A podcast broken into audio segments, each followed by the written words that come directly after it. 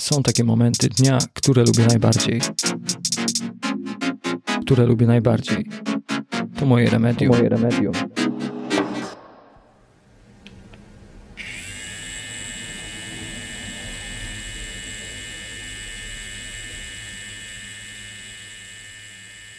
Witam serdecznie gości podcastu Remedium i gościnie także. Znajdujemy się w ciekawym miejscu, znowu Gliwice, Pary. Jest to mała restauracja. Kolejny odcinek podcastu. Ze mną jest niezwykły gość. Jest to odcinek o kolejnej osobie z pasją. Dzisiaj przedsiębiorca w biznesie tworzenia tatuażu. Znajdujemy się w miejscu na ulicy Wysokiej 6. Dzięki uprzejmości właściciela możemy nagrać ten odcinek. Dość dobrym miejscu. Jadłeś już tutaj coś? Byłeś tu w tym miejscu? Spożywałeś jakieś posiłki? Tak, niejednokrotnie jadłem. Jest tutaj kuchnia wegańska, tworzona przez moich przyjaciół z ogromną pasją. Do tego można nabić się dobrego wina. I cóż, i najwyższy czas przedstawić gościa. Jeżeli chodzi o Gliwice, jeżeli chodzi o tworzenie tatuażu, nie znam nikogo innego jak tylko Pawła Olokona. Witam cię serdecznie w podcaście Remedium. Witam. Podam ci dłoń, bardzo mi miło. Chciałbym się wiele do, rzeczy dowiedzieć i przekazać słuchaczom, bo można powiedzieć, że tatuaż oklepany, no nie jest oklepany. No, słyszymy o tym bardzo wiele, czytamy o tym bardzo wiele, jest wiele imprez, w którym tworzy się te tatuaże, a my chcemy tutaj przybliżyć i pokazać z tej strony, że jest to piękna sztuka, którą można się nauczyć, można pokazać w ten sposób siebie. I cóż, co ostatnio ciekawego się działo na konwentach, na eventach, na spotkaniach, na których byłeś, ale za czym to, to poproszę cię o przybliżenie swojej osoby, żebyś opowiedział kilka słów o sobie. Witam, Paweł Olokon. Zajmuję się wykonaniem tatuaży jednak z wykształcenia jestem liternikiem i typografem. Z połączenia rysunku i malarstwa właśnie wkroczyłem na drogę tatuażu. Mam swoje studio tatuażu, którego jestem właścicielem, znajdujące się w Gliwicach na Starówce przy ulicy Dolnych Wałów 13 a przez 2. Tworzyłem to studio z pasji, jaką jest tworzenie tatuażu. Tworzę to studio wraz z moimi pracownikami. Każdy z artystów, który pracuje w moim salonie, tworzy tatuaże w swoim odmiennym stylu, dlatego bardzo dobrze się uzupełniamy. Ja wykonuję tak zwaną realistykę malarską, tak nazwałem ją, łącząc często to z geometrią, dotworkiem, lineworkiem, szkicem oraz typografią, czyli liternictwem, można w skrócie powiedzieć. Jest to trochę zabawa tekstem e, oraz ilustracją, która jest wrzucana na ludzką skórę, dostosowując to do oczywiście anatomii ciała. Nasz salon prawdopodobnie, ponieważ nie znam wszystkich salonów w Gliwicach, jest największym salonem. Nie chodzi tutaj o liczbę pracowników, jednak o powierzchnię, jaką dysponujemy. Tworząc salon, staraliśmy się w pełni zaspokoić potrzeby klienta, tak żeby czuł się jak najbardziej swobodnie, przez co przestrzeń w, w naszym studiu jest odpowiednia, proporcjonalna do tego, żeby czuł się komfortowo. A najważniejszą dla nas rzeczą jest dbanie oczywiście o higienę, co także ta przestrzeń wpływa na poczucie higieny oraz jestem bardzo dużym estetykiem oraz minimalistą, co także możecie zauważyć w naszym salonie. Przodują nas kolory biel i czerń. Studio mieści się także, to warto wspomnieć, na Starówce. Co ciekawe, budynek, w którym znajduje się studio, znajduje się na terenie dawnej fosy. Właśnie tędy płynęła fosa, w miejscu, w którym was tatuujemy. Każdego zainteresowanego zapraszam na konsultację. Dobrze, także już wiecie, gdzie znajduje się studio. Jeszcze raz poproszę o nazwę pełną. Olokon Tattoo. O eventach chciałbym zapytać, o najbliższych eventach, które się odbyły ostatnimi miesiącami, może nawet ostatnimi latami. Dowiedziałem się też o, o pewnego rodzaju wyjeździe właśnie z Twoich social mediów na Instagramie do Niemiec, do Mannheim. Jakbyś mógł coś przybliżyć, ten, ten wyjazd, nagrody też się pojawiły. Swoją przygodę z konwentami tatuażu zacząłem chyba w 2015 roku, dokładnie nawet nie pamiętam, czyli mniej więcej z dwuletnim stażem. To był bardzo ciekawy wyjazd, ponieważ zdecydowałem się na niego w ostatniej chwili. To był konwent polski w Krakowie. No i co ciekawe i dla mnie szokujące, wykonując pracę drugiego dnia imprezy, pakując już swoje walizki, zostałem poproszony przez, przez konferencjera, abym pozostał jeszcze chwileczkę na sali. Czekaliśmy wtedy na obrady jury, na wyniki konkursu tatuażu. Był to konkurs, jeżeli się nie mylę, na tatuaż duży czarno-biały. Ku mojemu zdziwieniu okazało się, że zdobyłem wtedy pierwsze miejsce w tym konkursie.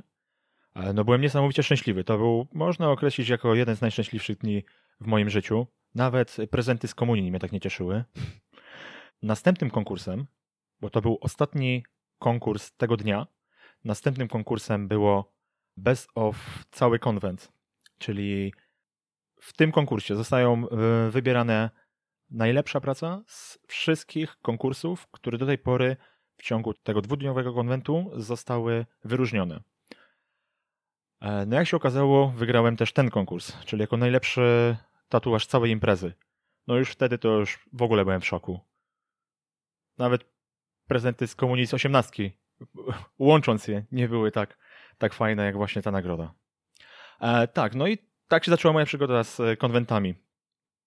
Były takie lata, gdzie bardzo mocno skupiałem się na e, wyjeździe na konwenty. Pytanie często, które pada od klientów, dlaczego tak często wybieram się na te konwenty. Wybieram, to jest określenie już można powiedzieć mm, przeszłe, ponieważ dzisiaj e, nie odwiedzam już tak licznie konwentów jak kiedyś. Kiedyś zdarzało się, że jeździłem 15, może nawet i do 20 razy w ciągu roku. Bardzo mocno mnie eksploatowało. Jeździłem ze względu na to, że wyciągałem z tych konwentów bardzo dużo. To był bardzo duży przeskok w moich umiejętnościach. Każdy kolejny konwent przynosił mi bardzo duży profit w postaci postępu technicznego wykonywania tatuaży. Czyli jeśli mogę spytać, na co konkretnie zwracałeś uwagę, bo to jest też takie dosyć obszerne, że podajesz finał, czyli że, że pozyskiwałeś informacje i, i przyjeżdżałeś z doświadczeniem, ale na co tak zwracałeś mocno uwagę, co spowodowało, że, że się rozwijałeś? Podgląd prac e, innych, rozmowa z innymi artystami, od których mogłem wyciągnąć, brzydko mówiąc, wyciągnąć oczywiście, bo byli. Każdy z nich nie miał problemu, żeby podzielić się informacją techniczną w wykonywaniu e, tatuaży. Jednak tym najważniejszym, tym najważniejszym elementem, który wpływał na postęp, była presja. Presja tego, żeby wykonać dobry tatuaż, dobrą pracę i żeby została ona dobrze oceniona, no to tak jak wspomniałem, ta presja właśnie wykonania dobrej pracy. No i teraz może się pojawić pytanie, czy w studiu takiej presji nie ma. Oczywiście, że każdy tatuaż, który wykonuję w studiu, chce, żeby był tym moim najlepszym. Każdego kolejnego dnia staram się, żeby mój tatuaż był lepszy. Na konwencie jednak jest presja czasowa. W studiu mogę podzielić tatuaż na kilka sesji. Na konwencie zazwyczaj startuję w najtrudniejszych konkursach, jakimi są duże tatuaże, bądź tatuaże imprezy, bądź tatuaż konkretnego dnia imprezy.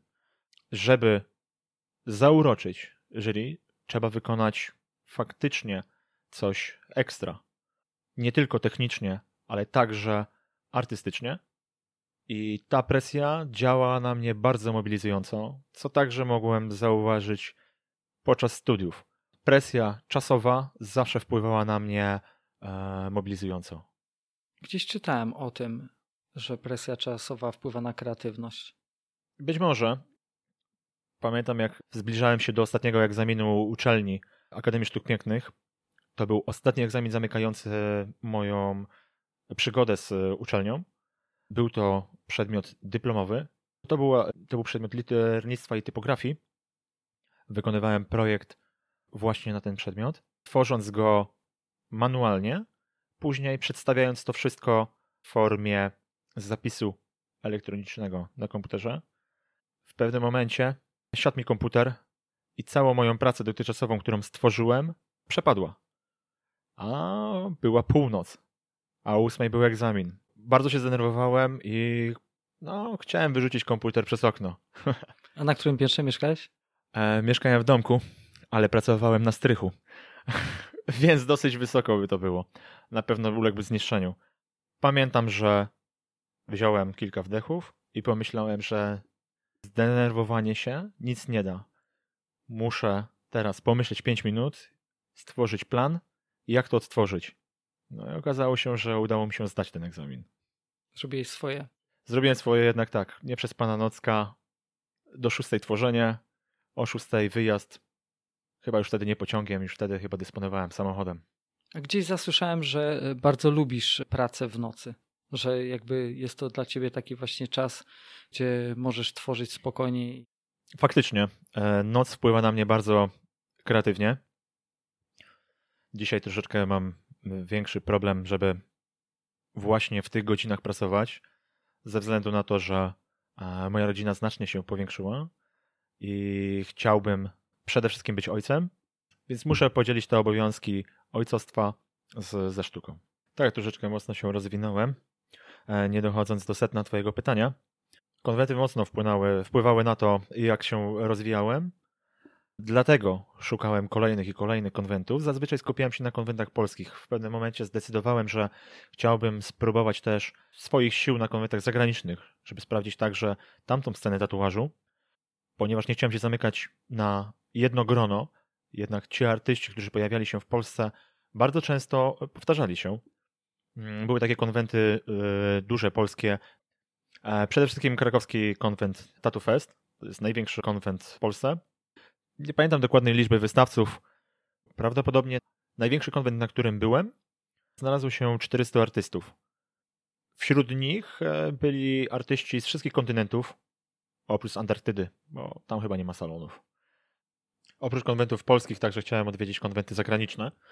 Jednym z pierwszych konwentów, który odwiedziłem był Mannheim, czyli ten, o który właśnie zapytałeś. Jest to jeden z największych konwentów w Niemczech.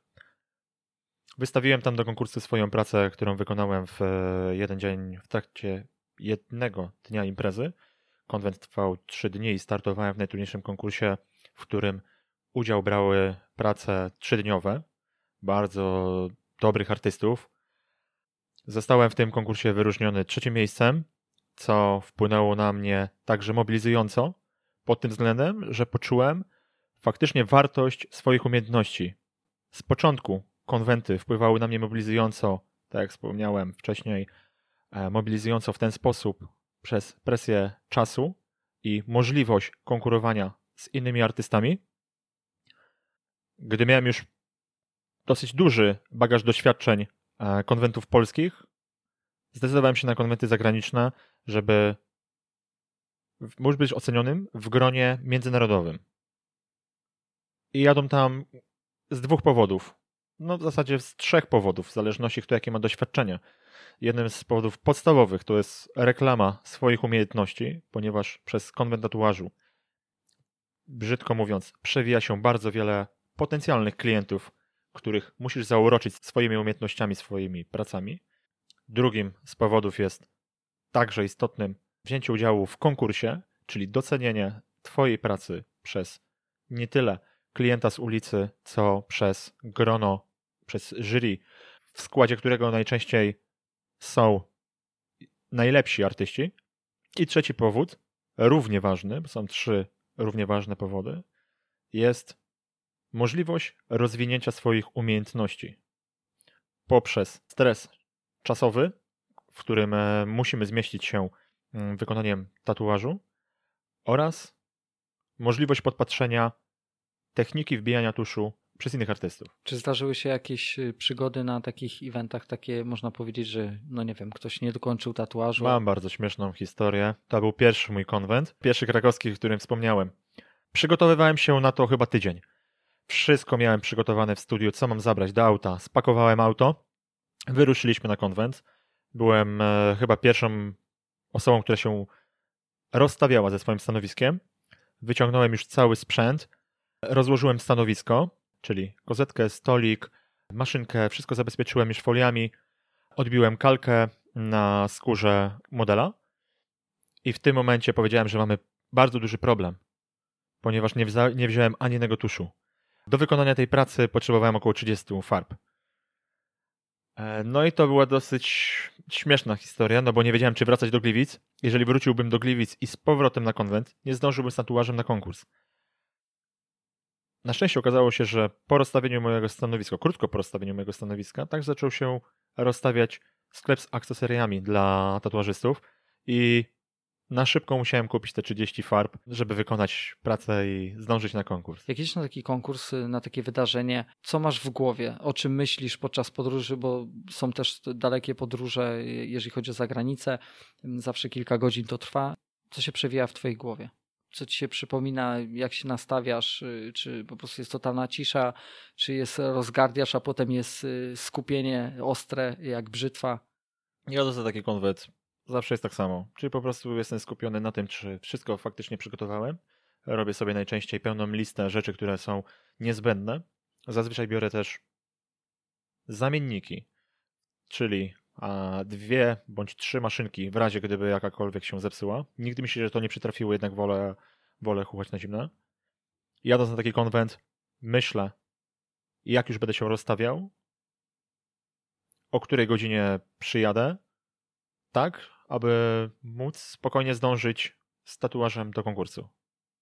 Więc myślę czysto technicznie już nie o samym tatuażu, tylko o sprawach wszystkich, które są wokół. O tatuażu zaczynam myśleć, wbijając pierwszą, pierwszą igłę w skórę. Czy czas mija ci szybko? Jestem osobą, która nie ma problemu, aby rozmawiać podczas wykonywania pracy.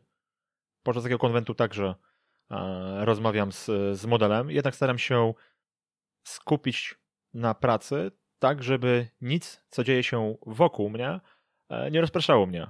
E, często moi klienci w studio pytają się, czy mogą mi patrzeć na ręce. Po tylu konwentach jest ich blisko, blisko 100 konwentów, które odwiedziłem, czy jako wystawca, czy jako widz. Patrzenie mi na ręce nie wpływa w żaden sposób negatywnie. Czyli obserwatorzy mogą przyjeżdżać, y, mogą śledzić Twoje social media i oglądać, gdzie się będziesz pojawiał, bo też takie informacje padają. Też widziałem kilka razy. Nawet był taki raz, kiedy chciałem się na takim y, evencie pojawić, ale wtedy właśnie coś, coś nie wypaliło, ale wiedziałem o tym dokładnie, że będzie, wiedziałem gdzie będzie i to też jest y, bardzo transparentne, można powiedzieć, czy to na Instagramie, tak, takowe konto posiadasz i także jest Facebook, posiadamy także Facebooka oraz e, Instagrama, na którym wrzucam informacje odnośnie konwentów, na które będę się wybierał. Z tych social media możecie znaleźć informacje, gdzie będę się wystawiał oraz kiedy, oraz informacje, że szukam modela, więc każdego zainteresowanego potencjalnie klienta zapraszam do zgłoszenia się tak, to są informacje, można, można poszukać, jeżeli chodzi o internet, jest tam dobrze opisany. Widzę, że też tworzysz takie bardzo szczegółowe mm, i ciekawe stories, y, zarówno na Instagramie, jak na Facebooku, gdzie naprawdę można to dobrze odczytać. Y, nikt się nie pomyli, jeżeli chodzi y, o te sprawy, jest dobrze doinformowany, są podawane istotne dane, czyli daty, mm, nawet miejsca, wielokrotnie pineski więc y, można sobie to sprawdzić. A tutaj taka ciekawostka, gdzieś zasłyszałem, y, że modele, którzy pojawiają się na takich eventach, mają tatuaże robione za darmo. Czy to prawda? Nie będąc jeszcze tatuażystą, także byłem przekonany, że, że model e, się e, za darmo. Jednak chyba żaden tatuażysta na konwencie nie wykonuje swojej pracy e, za darmo. Wpływa na to wiele czynników, jakimi są koszta, które artyści muszą ponieść, e, móc wystawiając się na takim konwencie, zazwyczaj starają się, aby e, tatuaż był oczywiście w atrakcyjnej cenie, atrakcyjnej cenie w stosunku do tego, co mogliby wykonać ten, tą samą pracę w salonie, jednak trzeba wkalkulować to w koszta, tak, aby nie być przesadnie stratnym na takim konwencie. Co to oznacza? No, wystawienie się, paliwo, hotele, wszystko kosztuje. Chciałbym, aby klient był zadowolony, oczywiście z ceny, jaką daję mu na taką pracę e, wykonaną podczas konwentu.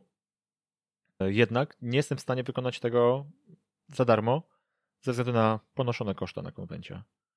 Mm, więc y, należy zapłacić y, za sztukę, którą przedstawiasz y, i za, można powiedzieć też, za to, co towarzyszy y, temu, co jest dookoła, nie? Więc jakby sam efekt w postaci tatuaży to nie wszystko, jest jeszcze wykonywanie. To tak jakby przyrównać pewne rzeczy, które się tworzy, czy to budowle, czy to różnego rodzaju inne jakby elementy sztuki różnorodnej, jakbyśmy tylko mówili o efekcie. No, a tworzenie czegoś i dla ciebie też właśnie nauka y, jest czymś pięknym, więc ja tutaj też y, jak najbardziej rozumiem, mm, co przekazujesz i należy za sztukę płacić, powinno się to robić. Jest, jest to wycenione, osoby się zgadzają, więc jadą i jest super, wszyscy są zadowoleni. Nie?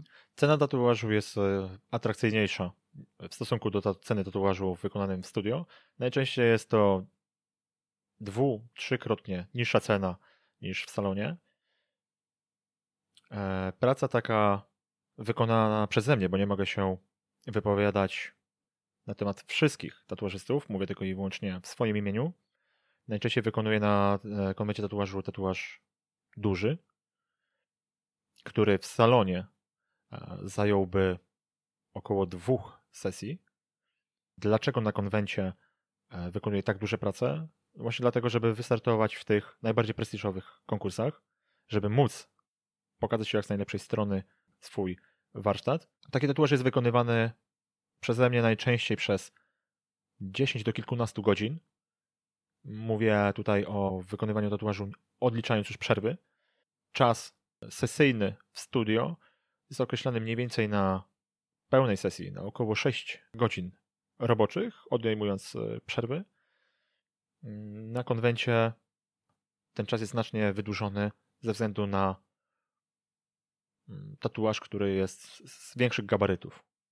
Jeżeli chodzi o konkursy, to czy zdarzają się konkursy minimalistyczne, bo można odnieść wrażenie, że jeżeli chodzi o konkurs, to musi być wszystko majestatyczne, duże, obszerne, mm, na większe części ciała.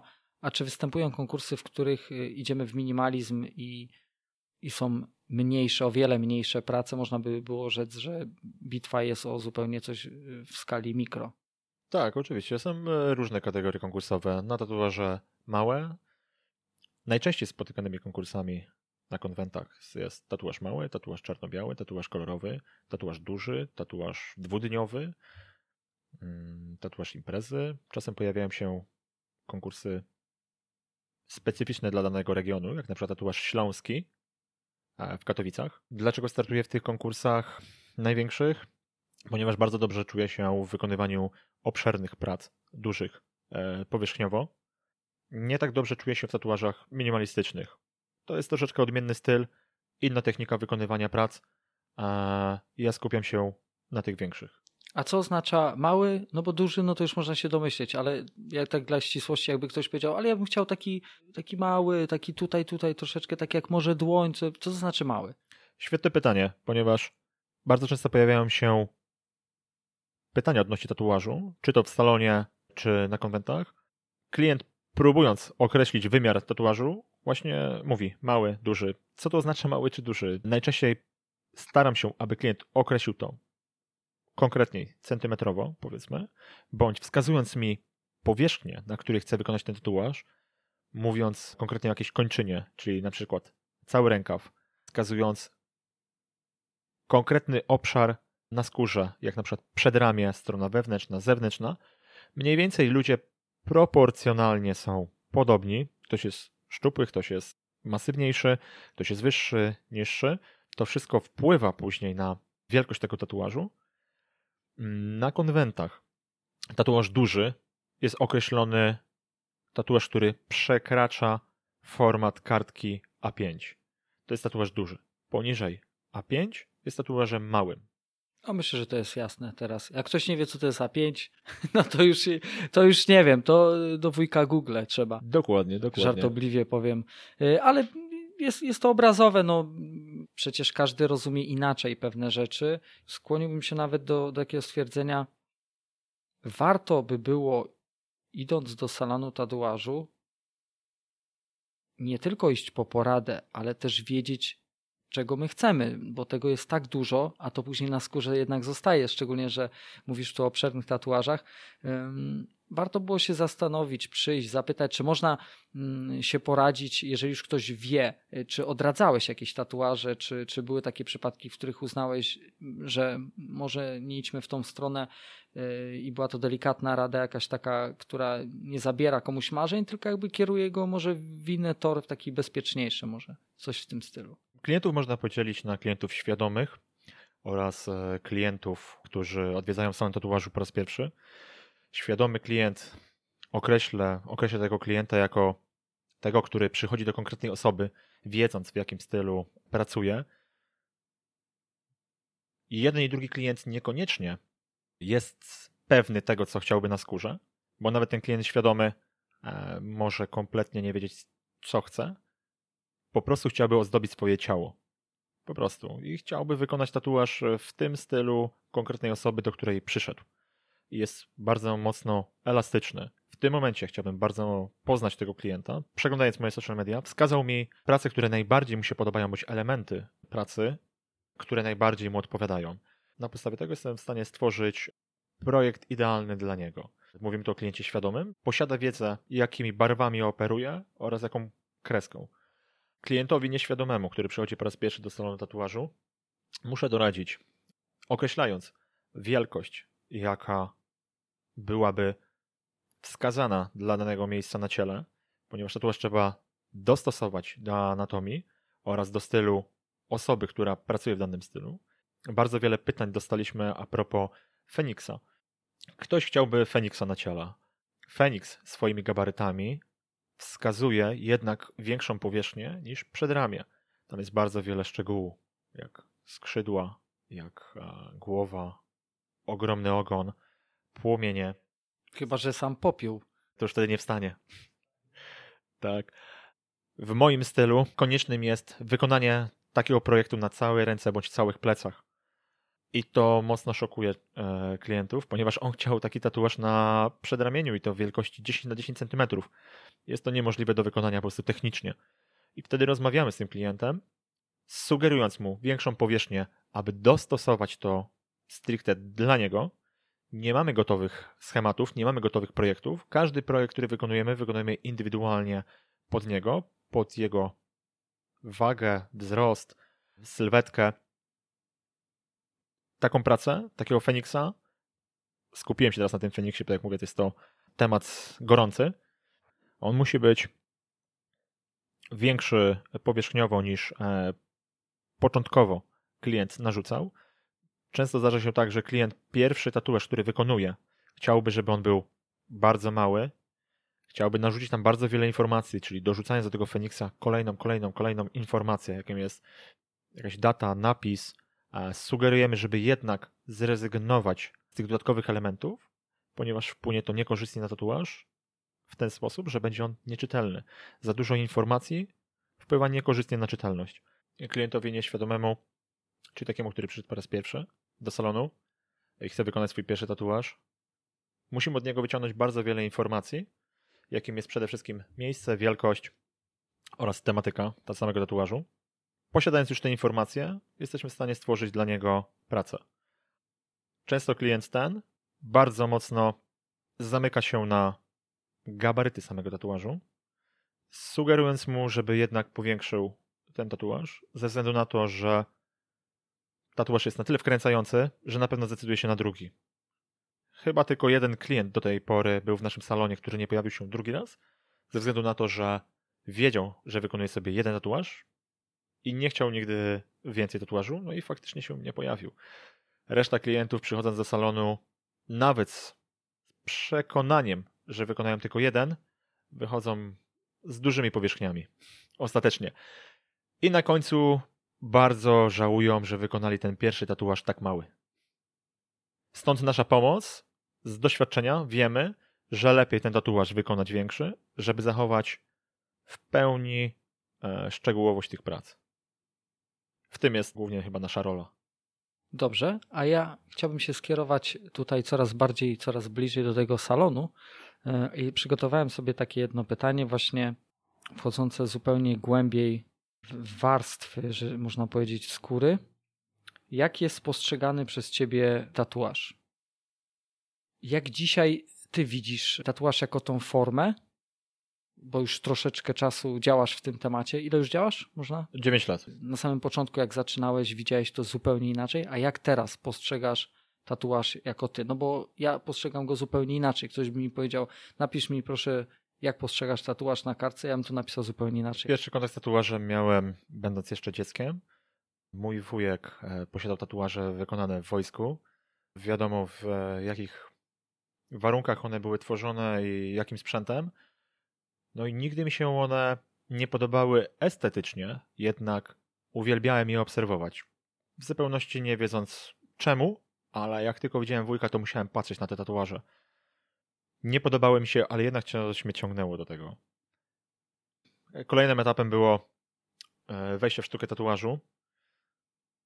Na tym etapie, w którym ja wkraczałem w tą drogę, tatuaż stał już na wysokim poziomie. Nie były już tatuaże z lat 80. czy 90., które wcześniej obserwowałem na skórze e, wujka i lubię bardzo obserwować pracę innych osób, ponieważ widzę, jak ten rynek ciągle się rozwija. Jest niesamowite tempo rozwoju tej sztuki. Wpłynęło na, na to także rozwój techniczny, czyli rozwój sprzętu do wykonywania tatuażu, jak maszynki czy same tusze. Ogromny przeskok, jeżeli chodzi o sprzęt, którym teraz dysponujemy, który był w latach 90.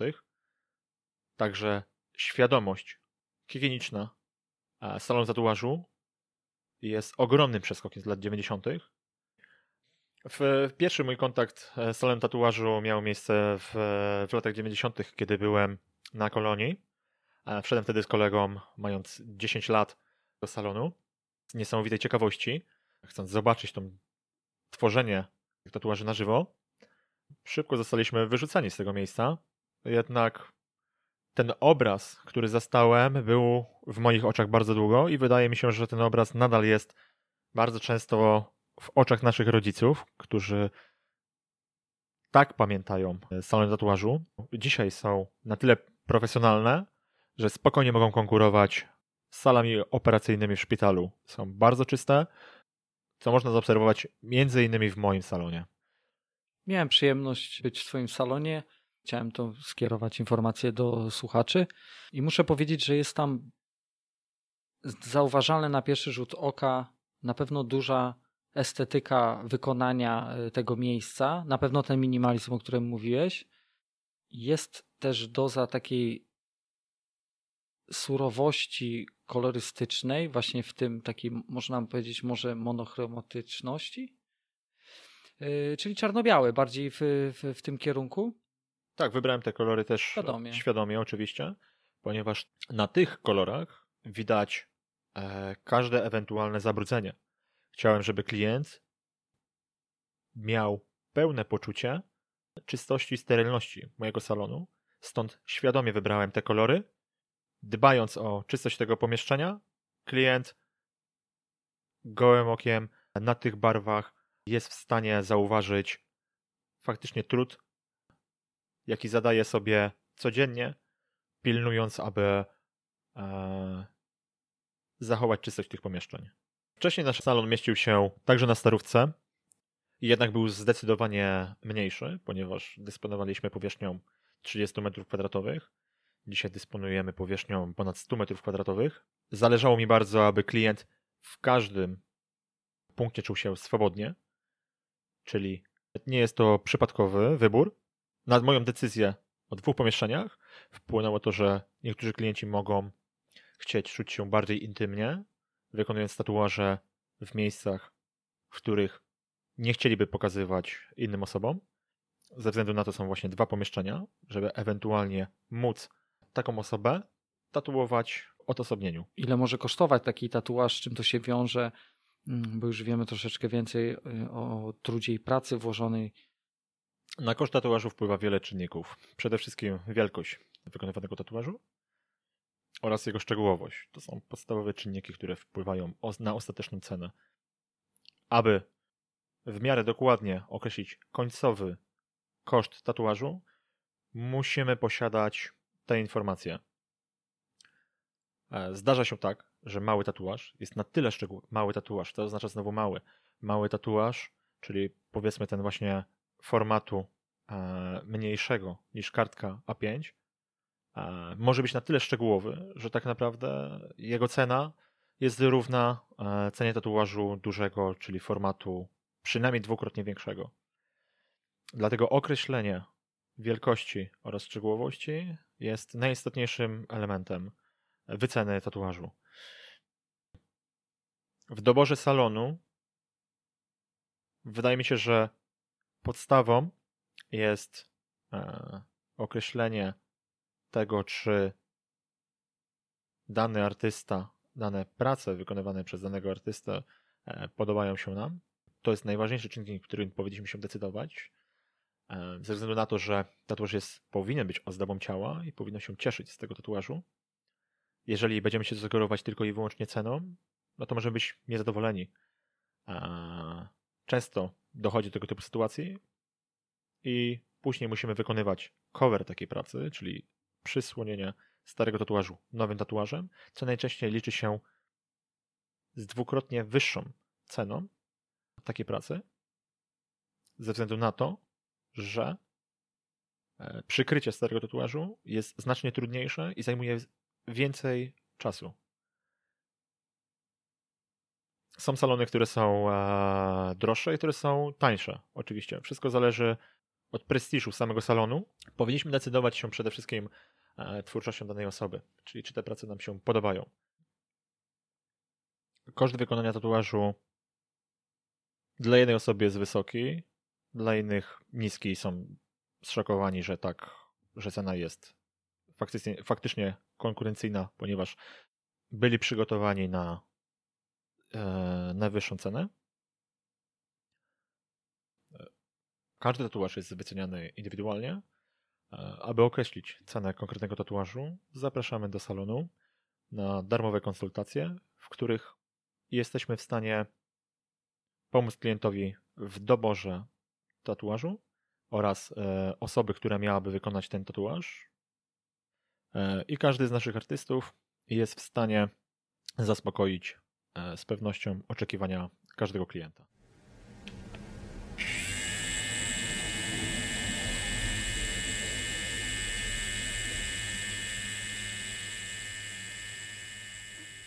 I tego Wam życzę. Nie na darmo chciałem też y, przedstawić postać Pawła właśnie i jego, jego sztuki tutaj w tym podcaście, bo w tym podcaście chcę przedstawiać ludzi, którzy według mojej opinii są ciekawymi ludźmi i przedstawiają rozwój osobisty od swojej strony. Mm, a cóż można powiedzieć? Ostatnio mm, tutaj zmieniając już y, strefę y, studia, y, przechodząc już bardziej też do, do wydarzeń, które, które się odbywały.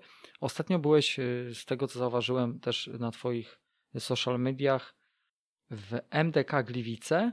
I tutaj sobie zapisałem takie pytanie, bo na pewno już wiesz, o co mi dokładnie chodzi.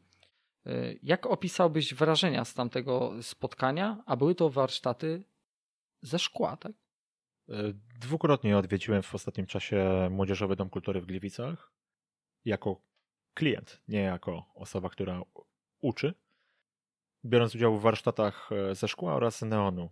Zabrałem na to swoje dzieci, aby kształtować ich kreatywność i pokazać, że, że można bardzo fajne i ciekawe rzeczy tworzyć wspólnie. Celem takiego wyjścia y, z dziećmi jest y, przede wszystkim spędzenie z nimi przyjemnie czasu, co właśnie nazywam ojcostwem. Czyli, czyli kreatywne i konstruktywne spędzanie z nimi czasu, poświęcając im w 100% swoją uwagę. Dobrze, a jeżeli chodzi tutaj o te mm, warsztaty ze szkła, no to jak to się ma do bezpieczeństwa? No bo jednak to jest szkło. E, oczywiście prowadzący zadbali o bezpieczeństwo, informując nas o niebezpieczeństwie, także dzieci. Stąd zajęcia były prowadzone parami, czyli rodzic i jedno dziecko. Właśnie ze względu na to, żeby rodzic mógł pomóc nie zrobić sobie krzywdy. No i nadzorować to, co tam się dzieje. A co tak naprawdę tam się działo? Powiedz chociaż y, część, bo może zaprosimy ludzi na, na, na takie wydarzenie. Ja w ogóle nie wiedziałem, że takie rzeczy się dzieją. Być może czegoś się nauczę ciekawego, kreatywnego, czemu nie? Tak naprawdę bardzo wiele jest tego typu punktów w Gliwicach. Czy to właśnie tworzony przez Młodzieżowy Dom Kultury, czy Centrum Kultury Wiktoria, czy wiele innych e, osób powiązanych ze sztuką w Gliwicach. Także w moim salonie prowadziliśmy tego typu edukację dla dzieci, pokazując im, jak można wykonać tatuaż na ludzkiej skórze, jednak bez wykorzystania ludzkiej skóry, tatuując na bananach. Ponieważ skórka z banana ma bardzo podobną strukturę jak skóra ludzka. I raz tworząc taki właśnie e, event, e, przewinęło się przez ten e, salon kilkanaście dzieci wraz ze swoimi opiekunami, czyli rodzicami, którzy także mogli spróbować swoich sił wykonując tatuaże. A jakie narzędzia tam były stosowane do właśnie wykonywania takich prac? To były profesjonalne tusze, igły, maszynka. Wszystko oczywiście pod e, ścisłym nadzorem moim i pracowników. Czyli rękawiczki, jak należy, wszystko. Wszystko było wykonywane tak, jakbyśmy pracowali na ludzkiej skórze, po to, żeby uczyć nie tylko potencjalnych przyszłych artystów sztuki tatuażu ze strony rzemieślniczej, ale także ze strony higienicznej. No, jest to istotny, nieodzowny element Twojej pracy, na którą zwracasz uwagę i bardzo dobrze. Najważniejsze w tym wszystkim oczywiście było bezpieczeństwo potencjalnego klienta, jaką była skóra banana, oraz bezpieczeństwo samej osoby wykonującej ten tatuaż, w tym przypadku dzieci. Czy były jeszcze jakieś inne eventy, w których y, można było wykorzystać tworzenie takich prac? Jakiekolwiek inne, nie tylko w Gliwicach, które pamiętasz? Tak, e, na większości konwentów tatuażu e, jest takie stanowisko, na którym właśnie można wykonywać tatuaże na skórkach od bananów. Spokojnie może tam e, brać udział każda zainteresowana osoba, bez względu na wiek. Tego typu inicjatywa nie została wymyślona przeze mnie, została podpatrzona od mojego kolegi Przemka, który stworzył tak zwany Banana Ink, czyli tworzenie tatuaży na skórkach bananowych. Dzięki niemu swoje pierwsze kroki postawiło już chyba blisko setka, bądź nawet może ponad setka tatuażystów, którzy właśnie pierwszy kontakt e, z tuszem z tatuażem miały właśnie pod jego nadzorem. Czyli można powiedzieć, że zainspirował dosyć sporą liczbę artystów. Czy ma Instagram? E, tak, oczywiście. Oczywiście. Dysponuje Instagramem. Jest to Banana Inc. No to będzie trzeba podlinkować tutaj pod naszym odcinkiem, bo jest to na pewno ciekawa rzecz. Ja nie widziałem, nie zdawałem sobie sprawy, że, że w ogóle coś takiego istnieje, bo też, no, nie oszukujmy się, nie, nie byłem na takich eventach. E, przepraszam z góry Przemka, jeżeli pomyliłem się w liczbie osób, które nie powiem, że nauczył tatuażu, jednak pozwolił im wejść w tą sztukę. Nie zdziwiłbym się, gdyby ta liczba była znacznie wyższa. Prowadząc tego typu wydarzenie w swoim salonie tatuażu, nie chciałem w żaden sposób konkurować z Przemkiem. Miałoby to być tylko i wyłącznie jednorazowa impreza, której prawdopodobnie już nie powtórzę. Bardzo dużo dzisiaj będziemy mówili ogólnie o, o tatuażu, bo, bo to jest y, najważniejsza rzecz tutaj w tym całym odcinku, no ale jeszcze ważniejszą jest osoba, jaką jest y, sam y, twórca, sam kreator, architekt właśnie tego, tego tutaj całego konceptu tego odcinka, więc nie samym chlebem człowiek żyje, więc nie samym tatuażem. Czy są jeszcze jakieś inne zajęcia, którymi się parasz, mm, które, które w jakiś sposób też y, mogą y, spowodować, że, że jesteś lepszy, szybszy, silniejszy, bądź bardziej kreatywny, bądź się odstresowujesz? Jakieś książki, właśnie jakieś sporty w tą stronę. Tutaj naciskam na rozwój cały czas. Ciężko określić co jest moim największym zainteresowaniem oraz pasją. Tatuaż poprzez to, że stał się moim zawodem, siłą rzeczy wpływa na to, że wiele czasu poświęcam właśnie jemu, właśnie tej sztuce. Że są silniejsze zainteresowania, które nie powiem, że zaprzątają moją głowę, jednak pozwalają mi na odstresowanie się, czy patrzenie na świat z całkiem innej perspektywy. Głównie jest to wysiłek fizyczny. Tutaj zapytałeś właśnie o sport. Jaki wysiłek fizyczny? Taki, który jest najtrudniejszy, który jak najbardziej mnie wyeksploatuje. Najlepiej czuję się biegając. Uprawiam biegi górskie. Głównie e, ultramaratony górskie. Jednak nie brałem udziału nigdy w żadnej tego typu imprezie. E, sam określam sobie odległość, miejsce, jakie chcę pokonać. Zazwyczaj są to trasy od 40 do 80 km, trasy górskie. W czasie takiego biegu bardzo mocno, bardzo mocno odlatuję myślami w głąb siebie. Najczęściej jestem wtedy sam, ponieważ ciężko mi jest znaleźć odpowiedniego partnera do biegu, tak żebyśmy zgrali się dobrze, czy to kondycyjnie, czy to w sferze przygotowania motorycznego. Najlepiej czuję się biegnąc e, jednak w pojedynkę. Dlaczego biegi górskie? Wydaje mi się, że jestem tutaj spadkobiercą zainteresowań mojego taty, który, który dysponował bardzo wielką miłością do sportów, czy to drużynowych, czy indywidualnych, także e, biegów górskich. Poniekąd jestem też troszeczkę egoistą, przedstawiając mojemu synkowi moje zainteresowania, szukając w nim potencjalnego partnera do wędrówek górskich. Mam nadzieję, że zaszczepię w nim miłość do gór, dzięki której będziemy mogli wspólnie spędzać czas. Biegi górskie nie są jedynym e, sportem w obrębie moich zainteresowań. E, najważniejsza przez e, od dziecka było, była piłka nożna. Obecnie niestety nie mogę wykonywać żadnych sportów, ponieważ jestem po operacji kolana i czekam na kolejną operację. Mam nadzieję, że po długiej, dosyć długiej rehabilitacji będę w stanie wrócić do sportu. Tak, mówisz, że wróci do sportu, ale na pewno trzeba też dodać, że pomimo rehabilitacji, pomimo kontuzji, to nadal pracujesz i wykonujesz tatuaże. Tak, to tak. Jest to kontuzja kolana, która nie doskwiera na tyle, aby miał pracować. Po prostu, może tyle. Abyś nie mógł robić tego, co kochasz. Padły tutaj też sformułowania odnośnie y, biegów. Bardzo ciekawa sprawa, co mogę powiedzieć. Tutaj nawiążemy, zrobimy taki super mix jakby w kotle.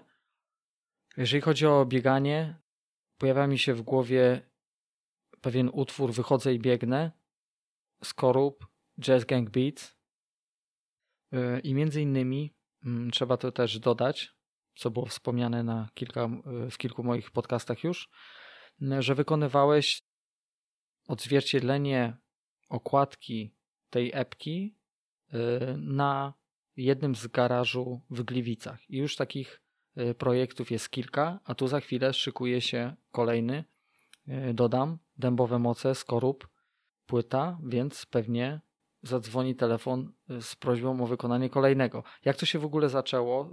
E, jak się pojawiła z Twojej perspektywy ta inicjatywa?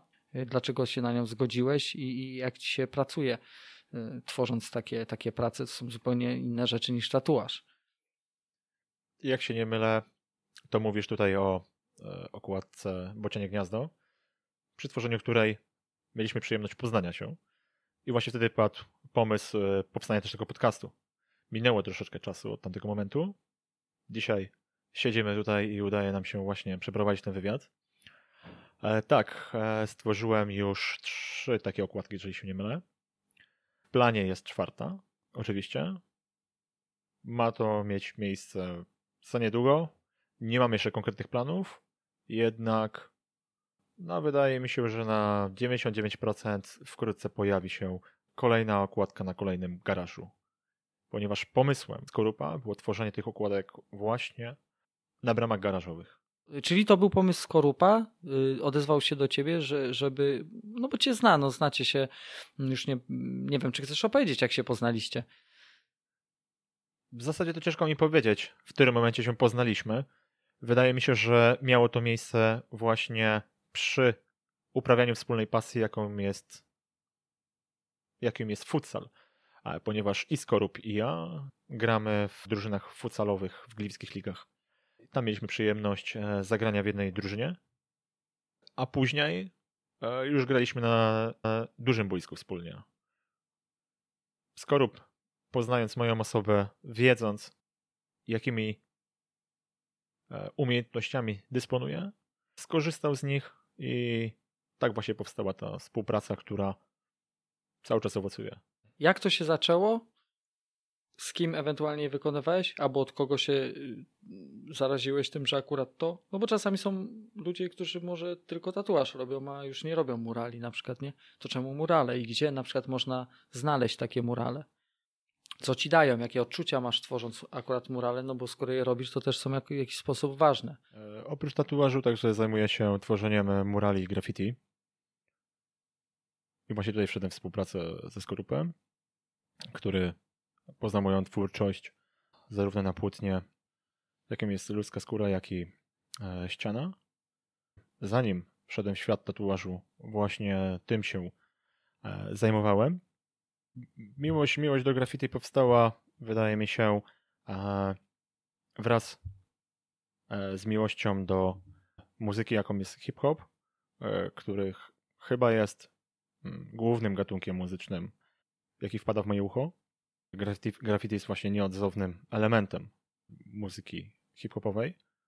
Stąd, nie umiejąc śpiewać, poszedłem po prostu w e, malowanie. Czyli chciałeś być częścią? Poniekąd tak. Poniekąd tak. Chciałem tworzyć tą kulturę hip-hopu. Zaczęło się naturalnie najpierw od rysowania na, na kartce, później przerzucając to na ściany budynków, e, wypracowując na tyle swój warsztat, że zgłaszały się do mnie kolejne osoby z prośbą o wykonanie e, prac związanych z ich działalnością. E, także w, w niedługim czasie powinny się pojawić kolejne prace, współpracując przy okazji z innymi artystami, jednak na ten moment nie chciałbym zdradzać szczegółów, ponieważ nie są jeszcze, e, nie są jeszcze dopięte. Głównie chodzi mi o współpracę z firmami, że jeżeli odezwie się do Ciebie firma, która chce Ci zapłacić za wykonanie na przykład u siebie w firmie jakiegoś, nie wiem, czy logo, czy odzwierciedlenia czegokolwiek, co by chcieli y, dla nich, to jesteś w stanie. Chętnie wysłucham propozycję, bo to wszystko zależy od tego, co chcieliby posiadać u siebie na ścianie. E, chętnie przystąpię do takiej współpracy. Nawiązywałem już współpracę czy to z, mm, ze stowarzyszeniami, e, z organizacjami pozarządowymi, czy z instytucjami, bądź z firmami e, lub z osobami prywatnymi, e, wykonując takie, takie graffiti dostępne dla widza z ulicy oraz dostępne tylko i wyłącznie dla gości danego domu, wykonując dane prace w mieszkaniach ciekawa rzecz jest, wiedząc, że przypuśćmy, jeżeli ktoś się interesuje na przykład koszykówką, powiedzmy, czy piłką nożną i by chciał, żeby w pokoju jego syna, no przeważnie syna, był jakiś e, jego ulubiony e, piłkarz czy koszykarz, no to zrobisz taką pracę. Rozumiem, nie ma problemu. Nie, nie ma problemu. Najbardziej lubię wykonywać, co także widać w moich tatuażach, lubię wykonywać portrety, charaktery. E, bardzo dobrze się w tym czuję sprawia mi to największą radość. E, jednak przy okazji także tworzę litery, nie tylko charaktery, ale także łącząc to często właśnie w sztuce graffiti z, z literami, w czym zauważalne jest właśnie e, to moje zainteresowanie powiązane z typografią i liternictwem, co wpłynęło na to, że e, zabawą literem i kształtowaniem łączeniem liter z ilustracjami brałem udział w tworzeniu czasopism czy książek. Książek, o których także chciałbyś nawiązać. I tutaj możemy przejść do Twojego tematu, który mm, zauważyłem, że w większości podcastów Twoich, które słuchałem, ten temat literatury się pojawiał. Dlatego przygotowałem się e, do tego pytania wychodząc e, z domu na to spotkanie, zerknąłem na swoją szafę, co się w niej znajduje, jakie pozycje. Procentowo mógłbym określić, że większość tych książek jest to książek historycznych, nawiązujących przede wszystkim do miejsc bezpośrednio interesujących mnie. Głównie są to książki, albumy związane z regionem, w którym e, właśnie e, mocno jestem związany, jakim są Gliwice. Chyba posiadam, jeżeli chodzi o mój zbiór książek, najwięcej pozycji właśnie związanych z e, naszym miastem. Kolejne książki historyczne, które zawsze, zawsze mnie interesowały, tematyka historyczna, która zawsze mnie interesowała, jest to tematyka, tematyka trochę szersza niż Gliwice, czyli historia Polski oraz przede wszystkim lotnictwa polskiego. Nie wiem dlaczego, ale od e, najmłodszych lat to właśnie te pozycje najbardziej mnie fascynowały. Co nie wiem w jaki sposób, ale przekuło się także na zainteresowania mojego synka. E, nie wiem, czy podświadomie sugerowałem mu e, tego typu pasję. Jednak patrząc na to, co czyta, widzę, że bardzo często wypożycza książki związanych przede wszystkim w czasie II wojny światowej o polskich lotnikach RAF-u, dywizjonu 303 i wszystkich innych dywizjonach bombowych czy myśliwskich. Jakie książki więcej? Inne jeszcze? Pojedyncze? Powiedzmy, jeżeli procentowo mógłbym to określić, połowa jest chyba, połowa książek jest e, historycznych, druga połowa związana ze sztuką. No, co można byłoby w zasadzie spodziewać się. Mm, z jaką sztuką? No przede wszystkim właśnie z e, typografią, liternictwem przede wszystkim te pozycje bardzo mnie interesują. Dla większości mm, osób, które obserwują moją gablotkę, te pozycje opuszczają całkowicie, e, nie wiedząc, e, nie, nie czując tych zainteresowań, które pochłaniają mój czas e, spędzony przy lekturze. Mm, poznając Twoją osobę, widzę, że książka jest dla Ciebie bardzo istotnym elementem przy rozwoju osobistym. Osobiście uważam, że książka nie jest niezbędnym narzędziem do rozwoju osobistym. Jest przydatnym, jednak nie jest koniecznym. Tak naprawdę posiadając tą wiedzę na temat lidernictwa i typografii, bardzo często stykam się z tym, że jest to troszeczkę takim moim, hmm, jakby to nazwać, bo doszukałem się słowa fatum, ale to nie. Jest to taką moim dużą e, bolączką, tak można to zinterpretować, tak można nazwać to słowo. Ciężko mi to określić, co mi towarzyszy, obserwując otoczenie. E, ze względu na to, że widzę tyle błędów w typografii, w liternictwie, który otacza nas e, wszędzie, czyli poprzez billboardy, poprzez e, loga, poprzez e, wszelkiej maści napisy, które otaczają nas na ulicach, że E, staram się to po prostu wyłączyć, bo to tak mnie gryzie mocno, posiadając tą wiedzę. Czy ona jest takim troszeczkę. Wolałbym chyba jej w takim wypadku nie posiadać. Drodzy słuchacze podcastu Remedium, mam nadzieję, że przybliżyliśmy y, wspólnie z Pawłem istotę tatuażu, osobę, samą osobę Pawła Lokona. Jest to na pewno sztuka. Jest, nie można powiedzieć, że jest to tylko pójście do, do salonu i zrobienie czegoś na, na skórze. I cóż, żegnamy się z Pawłem Olokonem y, z miejsca Pary.